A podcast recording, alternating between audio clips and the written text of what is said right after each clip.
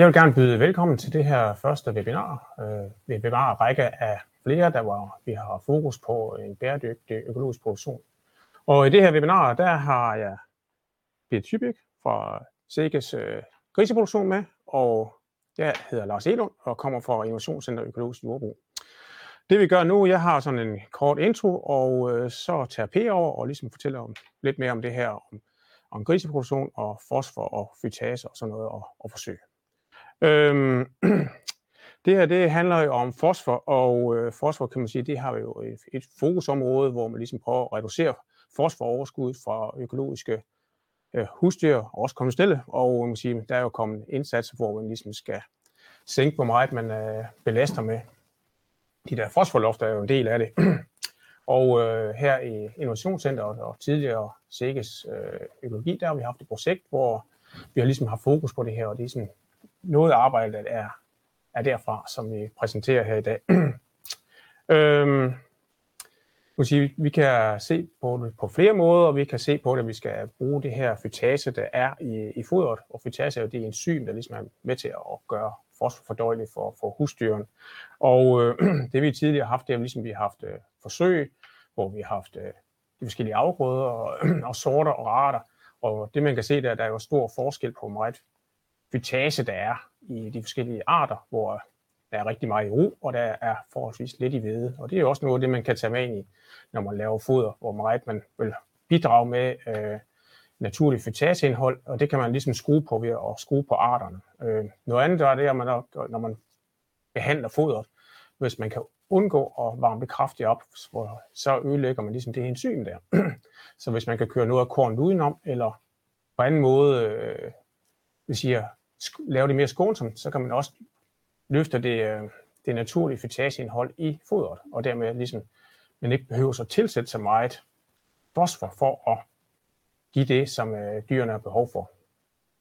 Øh, nu kommer Per ind på øh, noget med grisproduktion. Vi har også lavet lidt med høner, med æglæggende høner over øh, 30 uger, og der kunne vi se, at noget af det arbejde, vi har lavet, der kunne vi også reducere det, vi sætter, øh, tilsætter fodret, øh, sådan at vi kommer ned på de her 32 gram fordøjelig fosfor. Det vil sige, det er lidt mindre, man sådan set kører med, og det kunne vi se i, ude i øh, økologiske æglæggere i besætninger, at, at der kunne vi sådan set godt reducere det dernede til, uden at det havde sådan konsekvenser både for produktion og øh, velfærd hos dyrene. Men øh, det er jo sådan lige øh, det overfladiske, og hvad vi ellers har lavet. Og nu øh, vil Per nok grave lidt dybere ned i, hvad der er lavet med, med gris der. Ja, tak. Jamen, øh, jeg skal jo snakke om lidt først omkring de nye fosforlofter, hvordan de egentlig er. Og så vil jeg komme ind på et forsøg, vi har lavet, hvor vi har testet fosforbehov ved slagtegris ud fra at måle øh, både calcium og fosfor i urin hen over slagtsvinperioden. Vi laver starte lidt med, hvordan det egentlig er med de der kære fosforlofter. Jamen, det er sådan, at der er nogle skærpede fosforkrav, og så i nogle områder, det er de grønne områder her, og så er der nogle normale områder. Og det er sådan, at de øh, skærpede områder, der er kravet 30 kg fosfor per hektar, og det er oplandet til visse søer, som ikke rigtig kan tåle for meget fosfor. De blev faktisk indført allerede i 1. august 2018, og de dækker cirka 22 procent af arealet. Sammen med de lofter, så har der jo været nogle generelle regler. Her ser vi, hvordan reglerne har udviklet sig. Hvis vi starter med at kigge på den, øh, den øh, blå kurve her, så var det de krav, der var til slagtesvin. Der fik man en overgangsperiode ind til de første to år, og så gik det i 2021 ned til 35 kilo, som gælder for alle, og det er det, der er normale områder. Og så er det så blevet, blev det faktisk nu i år sænket til 33, oh, den hopper tilbage. Så blev det sænket til 33 kilo per hektar, og det er jo nærmest kommet lige pludselig her og træder i kraft øjeblikkelig virkning.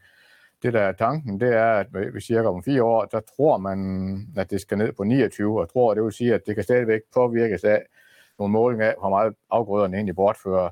Så det kan være, at det ikke bliver 29, men 30 eller 28, det tager vi ikke helt at sige. Vi ser, at de der skærpede krav, det er den orange linje dernede, det er de 30 kilo, det fortsætter jo uændret her, men når vi kommer hen til 25-26, jamen der bliver øh, regnet med, at det bliver fælles krav for alle arealer i Danmark, fordi så bliver det egentlig det skærpede krav, kan man sige, der gælder for alle. Vi kan sige, at arealkravene de styres i langt de fleste tilfælde af, af normtal for husdyrgødning, og det er medmindre man kan bruge egne tal, som giver mindre kvælstof og fosfor end, end det, der er i, øh, øh i normtallene. Normtallene for økologiske slagtegris, det beregnet ud fra, at vi antager, at de har fået 50% færdigfoder og 50% hjemmeblandet foder, og med samme indhold af fordøjelig fosfor, men fordi man kan regne, indregne kornfytase i hjemmeblandet foder, så giver det lavere fosfor end færdigfoder, og så har vi så nået frem til et gennemsnitligt tal, der bruges til normtal øh, med, på 5,2 gram per foderenhed. Det kan man så regne ud, hvor meget det giver i fosfor under halen på en gris, øh, og det giver 803 gram ud under halen på grisen, og når vi tager hensyn til, at der er halm i gødningen, hvis det er indendørs øh, noget af tiden, jamen, så bliver det så til en lille smule mere fosfor fra halmen. Og der er så regnet med et landsgennemsnit for foderforbrug på 2,94, som var det, der galt tilbage i 2018, tror jeg det var. Til sammenligning, så ligger de konventionelle jo noget lavere. De er faktisk også faldet lige for nyligt. Der er faktisk kun 465 gram fosfor i hele perioden 31-115 kilo, og der har jo selvfølgelig også været noget mindre fosfor per foderenhed. 4,18 har der været, og der var 2,64 foderenheder per kilo tilvækst. Så vi er jo cirka en gram lavere i fosfor, fordi der bruges høj dosis fytase, når man snakker øh, konventionelle gris. Og det er jo det, der er udfordringen, når man har økologiske gris, det er, at man ikke rigtig kan udnytte det naturlige fosfor, fordi man ikke må tilsætte fytase. For at se, hvordan arealkravene så bliver, det her det viser arealkravene øh, per dyr, når man bruger normtallene, og det økologiske slagtegris. Og der står her, at normtalsfoder har indeholdt 165 gram protein og 5,2 gram fosfor og foderforbrug på 2,94. Det vi kan se først, det er, at der, er nogle, der kommer noget N ud under halen på grisene. Der står her 3,96 kilo. Det er det, der kommer ud under halen, og det gælder udendørs, for der er ikke noget lagertab, kan man sige. Hvis de så går i en stald med delvis spalte inde og drænet ude, så bliver det tallet til 2,91. Hvis det er dybstrøgelse inde, så bliver tallet en lille smule lavere, der er en lille smule større fordampning. Men forskellen mellem dem hernede og den deroppe, det er jo den ammoniakfordampning, der sker fra de arealer, der er både indendørs og udendørs. For fosfor sker der ikke nogen fordampning. Der sker i stedet for en lille tilførsel af fosfor fra halm, og det er selvfølgelig større, når det er dybstrøgelse inde. Derfor bliver der lidt mere fosfor, når vi har dybstrøgelse. Så kan man ud fra de her normtal regne ud, hvor mange grise kan der være per hektar. Hvis loftet er 170 kg det er det generelle loft, som gælder på EU-plan. Man skal bemærke, at på økologiske grise, der kan det godt være krav til udnyttelig kvælstof, nogle lofter der på 60 eller 100 kg, som er mere begrænsende end det her. Men du kan se på Udendørs gris, der er 170 kg ind og 33 kg fosfor, det er næsten ved samme antal gris. Men snart vi går indendørs, jamen, så kan der være flere grise ud fra kvælstof end ud fra fosfor, fordi der så er fordampet en masse. Så derfor er det altid fosfor, der sætter krav til, hvor meget areal, areal man skal have. Der kan være 41 slagtegris per hektar, cirka, og det uanset hvad vi har, har med at gøre, 40 til 41. Hvis nu vi kunne have haft normtallen, der hed kun 4,8 gram fosfor herovre, ja, så vil indholdet af fosfor i gødningen blive 0,706 gram, og så vil vi kunne have cirka 14 procent flere slagtegrise per hektar. Og det er jo det, vi kigger på mulighederne for. Kan vi komme vej af den vej? Vi, øh, for at kunne se på de der urinprøver, vi laver på økologiske grise, så skal vi ligesom se lidt på, hvad hvor har vi af referencer, fordi vi kan jo ikke ud fra urinprøverne sige, om det gik godt med grisene, men vi har noget, vi kan sammenligne med, nemlig nogle fosforreduktionsforsøg med konventionelle slagtegris, hvor vi har to forsøg, hvor vi har haft mange analyser. Og det er sådan, at hvis der er fosforoverskud, så kan man genfinde det i urinen. Det skal så tolkes lidt sammen med, hvor meget calcium og fosfor, der både calcium og fosfor, både i urin og foder. Men man kan sige, at det laveste niveau af, uri, af fosfor i urin, det kan bruges som en slags minimum. Det giver nemlig godt i de der forsøg med konventionelle grise, hvor det, det laveste indhold af fosfor som jo også er grunden til, at vi har kunne gå lidt ned i, normer det fosfor, fordi det har lykkedes os at vise, at det kunne de nøjes med. For at vise, hvordan det ser ud, når man laver analyser af urinprøver fra konventionelle grise, så kan I se her, der har vi vægten ud af x-aksen, og vi har, hvor meget fosfor der har været i urinen. Og det måler man godt nok ikke som gram per fodhænde, det måler man øh, som, mild, som et indhold i urin, men så skal man så antage øh, bestemt omregning til, hvor meget det så giver per foderenhed. Det er det, jeg har gjort for, at det er lidt mere sammenligneligt. Vi antager, at de, som der står her, at de øh, grisene leverer ca. 1,75 liter urin på hver foderenhed, og så kan man ud fra, hvor meget der er i urinen, regne om til, hvor meget har det så taget af det, der var i fodret, hvor meget er gået ud i, i, øh, i urinen. Det I ser her, det er, at den laveste linje, det er den der orange, som var der, hvor de fik allermindst, der fik de, havde vi beregnet, at de fik 2,05 gram fordøjelig fosfor og 5,7 gram calcium. Vi ser, at der er ikke ret meget fosfor i urinen. Det er næsten ingenting, før de når op omkring 80 kilo. Men det vi kan også sige, det var, at det gik faktisk godt. Der var ingen forskel i produktiviteten. Så vi kan sige, at alle dem, der fik mere fosfor herop, ja, der kan vi bare sige, at der kom noget mere ud i urinen, men grisene fik egentlig ikke andet ud af det. De kan godt være, at de indlagt en lille smule mere i knoglerne, men øh, de fik ikke bedre produktivitet af det. Vi har også kigget på, hvordan gik det med calcium i urin i samme forsøg, og der ser vi, at der er mere calcium i starten af perioden end i slutperioden ved grisen, når de får en samme blanding hele vejen. Og det var det for, i alle, ved alle blandinger, og det skyldes lidt, at grisene de prioriterer lidt forskelligt. Hvis det er lidt i underskud, så prioriterer de kødet, og så der kan de ikke bruge calcium til, men når de har, over, når de har rigelig fosfor, så, bruger, så prioriterer de knoglerne, og, så bruger, og der skal meget calcium i knoglerne. Der er faktisk dobbelt så meget calcium som fosfor i knoglerne, og derfor så bliver indholdet af calcium i urin lavt, når, vi, når de prioriterer knoglerne. Vi har et andet forsøg, hvor vi også øh, kunne se her, hvor vi har set, hvor lidt fosfor der var i, eller fosforindholdet i urinen, når man øh, kørte med 3,5 gram total fosfor og meget fytase. Og der var vi helt nede på 3,5. Det var faktisk ikke planen, men det foregik i 2018, det år, hvor vi havde meget tør sommer, hvor næsten ingen fosfor var i kornet. Så det er også lidt mere fordøjeligt, det fosfor end normalt, fordi en større del af det er monokalciumfosfat, fordi der var, næst, der var meget lidt fosfor i kornet det år. Men øh, bare for at vise den her, den kan også ligesom lidt bruges som reference for, at hernede omkring, der går det godt. Øh, men, og vi kan komme helt herned, uden det rigtig sker noget ved det, men hvis man kører helt herned hele vejen, så er det nok lige på kanten. Så lavede vi nogle indledende undersøgelser på nogle økologiske grise i efteråret 2020, hvor vi bare tog nogle grise, der fik det fosforindhold, som de fik, og det var meget fosfor, de fik i foder dengang. Vi ser her, at de her grise, der fik hjemmeland, de fik 6,2 gram fosfor, og dem, der fik færdigfoder, de fik, det, det står på færdigfoder, og der er også 6,2 gram fosfor, og der står så også meget calcium der. Så det vi kan se her, det var, hvor meget øh, fosfor kom der ind i urinen. Så kan vi se, at øh, når de fik melfoder, ja, så kom det helt op på, heroppe er der jo over 1 gram fosfor i urinen per fodernet, så der går rigtig meget ud igen. Og selv her med piller kommer der forholdsvis meget fosfor ud med urinen. Calcium, det passer, tænker jeg, nogenlunde, der var næsten ingen overskud. Så ud fra det, så tænkte vi, ja, hvor meget kan vi så gætte på, at de kan nøjes med? Og ud fra det, så gætter vi jo så på, at hvad ville det egentlig have været tilpas i det foder? Ja, det kunne jo være, at vi kunne nøjes med, med 5 gram fosfor i hjemmelandet og 5,5 i færdigfoder. Det var lidt den, det, der blandt andet baggrund for det forsøg, vi fulgte op med, at vi kan, burde kunne komme derned, og det fortsatte vi så med at kigge lidt mere detaljeret på. Så det forsøg, vi lavede i øh, efteråret 2021, der indgik der to besætninger, de har samme foderplan, men det var henholdsvis hjemmelandet og færdigfoder. De fik øh, normalt indhold af lysin til økologiske gris på 7,3 gram. Fodret var optimeret til, at de skulle have 2,2 gram fordøjelig fosfor. Og her står, hvor meget calcium der var. Der var de hjemmelandet, de fik 6,5, og de andre fik 6,8. Det var for planen. Og fosfor, der skete der det, at øh, vi kom til at køre med 5,1 og 5,2, og det var lidt en misforståelse, fordi vi fik ikke indregnet øh, effekten af kornfetage ved hjemmelandet foder. Derfor blev det næsten samme fosforindhold, men det kan vi så også øh, se, at det giver sig udtryk i, hvor meget fosfor der er i urinen. Det er jo sådan set meget tydeligt. Så formålet var lidt at vurdere, om, om de fosfornormer, vi har på foder uden føtage, om det giver en tilpas fosforsyning. Det er den ene del. Og en anden del, det er, om der er mulighed for yderligere reduktion af hensyn til fosforlofter.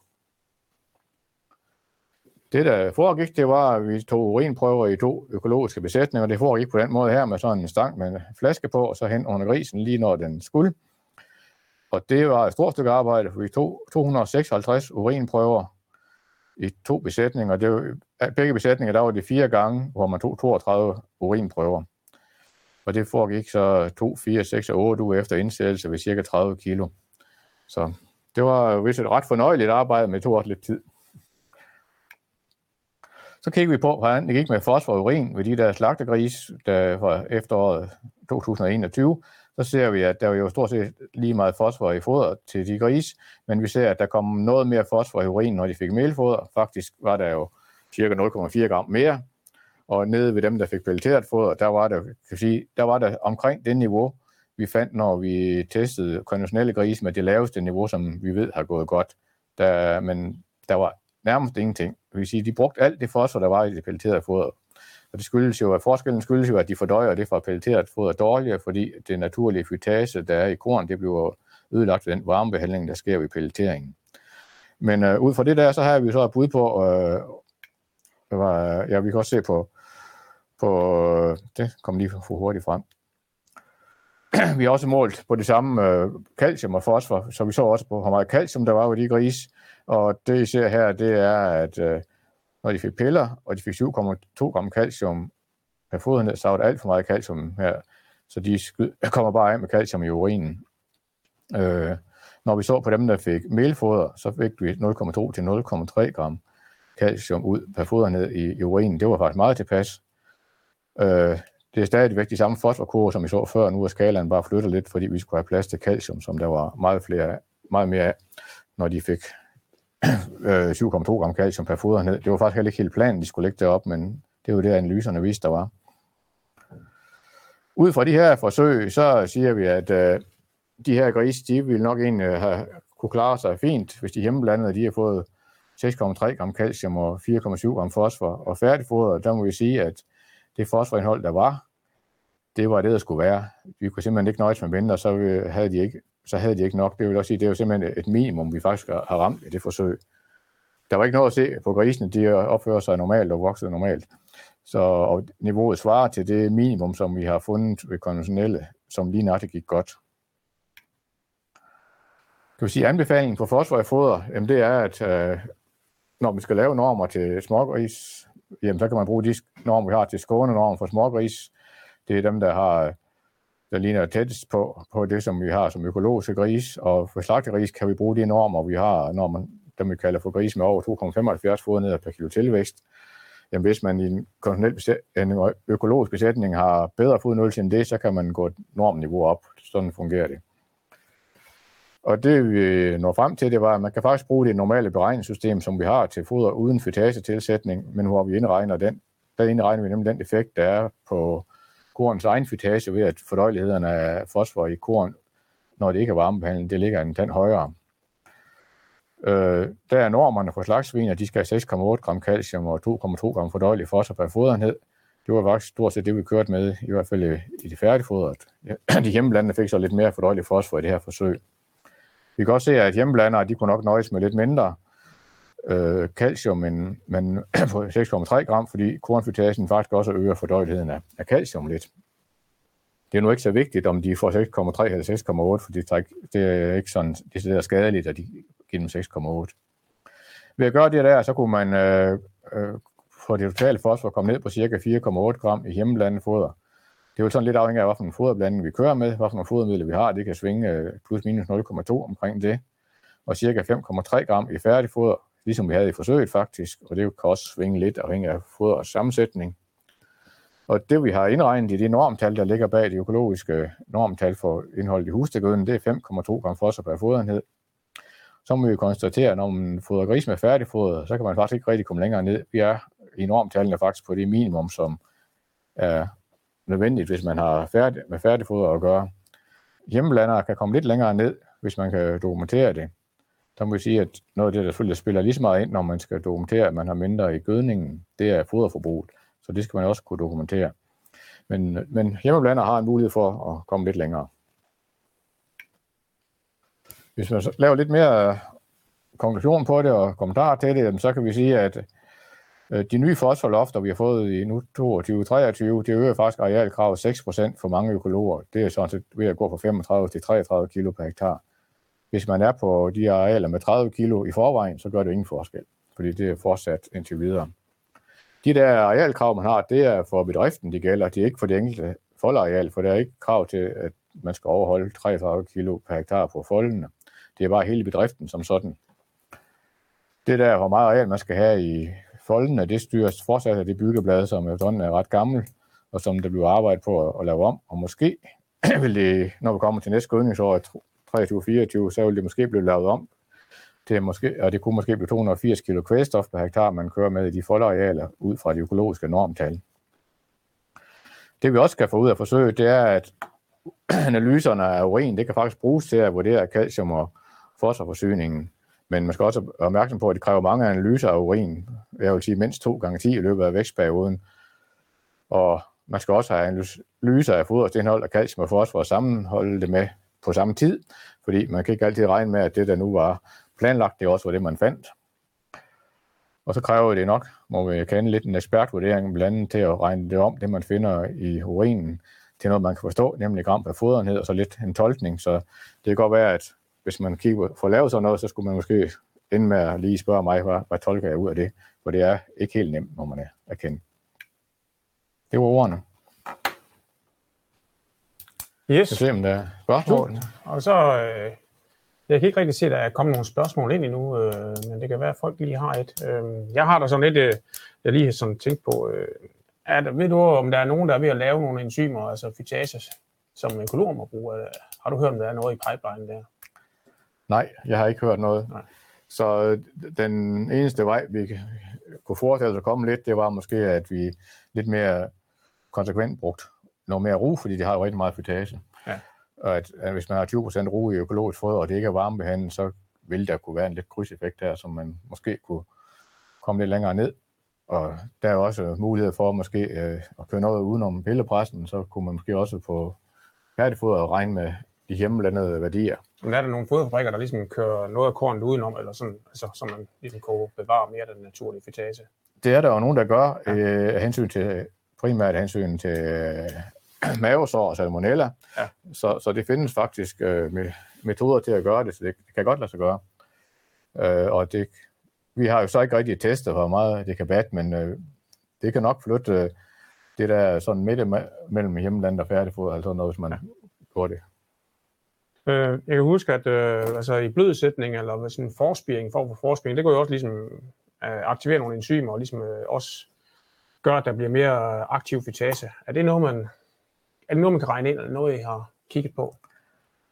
Ja, der, vi har ikke lige lavet et system, der kan, der kan håndtere at regne det ind, men det er jo ingen tvivl om, hvis man kunne, hvis man kunne gøre det, øh, og ikke, ja, så ville det faktisk, øh, selv hvis det var endte i en pillebræt bagefter, men det ville jo være dyrt at få noget, der har været vådt, tørt igen. Men hvis man laver det vådt og lader det stå så tid, så får man jo en, en højere fosforfordøjelighed. Øh, ikke, ikke, måske samtidig lidt mindre, man har regnet med. Det, vil, det er rigtig bad og noget, det er, hvis man kan fermentere det i et dags tid, og det kommer til at køre ved det pH, som de enzymer bedst kan lide, ned omkring pH 5, ja, så kan man virkelig få frigjort meget fosfor. Men det kræver jo, at man har et system til det. Ja, fordi det, er, det, altså er der nogle øh, kommersielle, der ligesom, der bruger det der med i blød sætning og fermentering? Er der nogen, der stadigvæk bruger det? Jeg ved ikke, om der er nogen kommersielle, men, øh, øh, eller nogle økologiske, men øh, der har været nogle kommersielle, der har gjort det. Der har været nogen, der har gjort det. Man gør det Altså nu har, som konventionelt har man ikke rigtig behov for det længere, fordi man bare tilsætter en høj futage, som er ret billig. Så, så man gør det ikke hensyn til det. Der kan godt være nogle andre hensyn til, at det faktisk også øger fodernøsen en anelse og, og få fermenteret korn først. Men det er ligesom øh, gået i stå ved det konventionelle, fordi der er den anden problemstilling er, at hvis man bruger for meget fermenteret, så bliver det så surt, så de går lidt ned i foderoptagelsen. Okay. Men øh, i teorien kunne man godt lave øh, noget, hvor man øh, fermenterede en vis mængde af, af fodret, og så fik gjort det på den måde. Og det kunne godt være en vej, man kunne gå i, ved økologer, at man kunne gøre det på den måde. Jamen, øh, super. Jeg ved ikke, om du har sådan et godt råd til økologer, der skulle ligesom, ud over dine konklusioner her, hvis de skulle ligesom sige, at hvilken vej de skulle gå. Jamen, der er jo, altså, nu er det jo ikke altid, at fosfor er den mest begrænsende faktor. Det, det kan også godt være udnytteligt kvælstof. Ja. Men ellers er det jo egentlig bare at sige, at i, i stedet for at give den væsentligt mere en norm, som har været udbredt, så kan de faktisk godt nøjes med normerne. Det har de her forsøg egentlig ganske fint vist og at man skal øh, være klar over, at når vi snakker hjemmeblandet foder, så kan det altså også nøjes med noget mindre fosfor, end hvis det er færdigt foder. Det viste de her forsøg jo egentlig meget tydeligt, at det gør en betydelig forskel. Super. Jamen, jeg synes, det var en fin afsluttende kommentar. Jeg kan ikke rigtig se, at der er nogen, der har, der har skrevet nogle spørgsmål derinde, så hvis der ikke er lige nogen, der hopper på nu, så synes jeg, at vi skulle sige tak for nu, og tak fordi I uh, lyttede med.